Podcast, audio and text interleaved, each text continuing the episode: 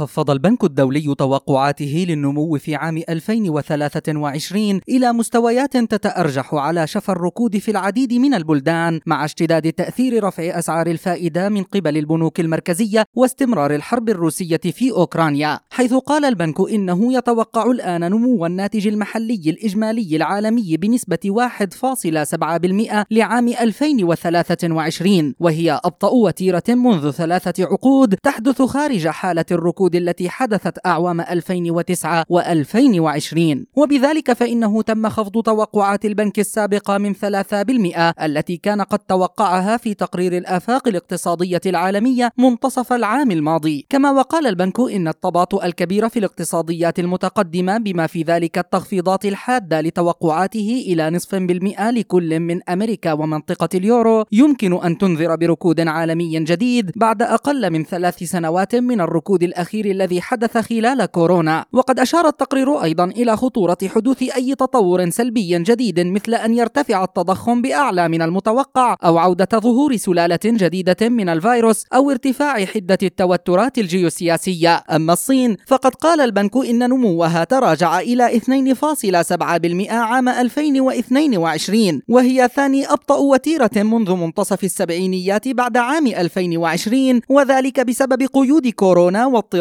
سوق العقارات ليتوقع البنك انتعاش الاقتصاد الصيني لعام 2023 بنسبة 4.3% وهو أقل من التوقعات السابقة. ولكن البنك أشار إلى أن بعض الضغوط التضخمية بدأت في التراجع مع اقتراب عام 2022 من نهايته بسبب تراجع أسعار الطاقة والسلع الأساسية. ولكنه حذر من أن التضخم الأساسي المرتفع قد يستمر وهي الإشارة التي قد تدفع إلى استمرار البنوك المركزية في رفعها لأسعار الفوائد بأكثر من التوقعات القائمة. مجد النوري لشبكة أجيال الإذاعية.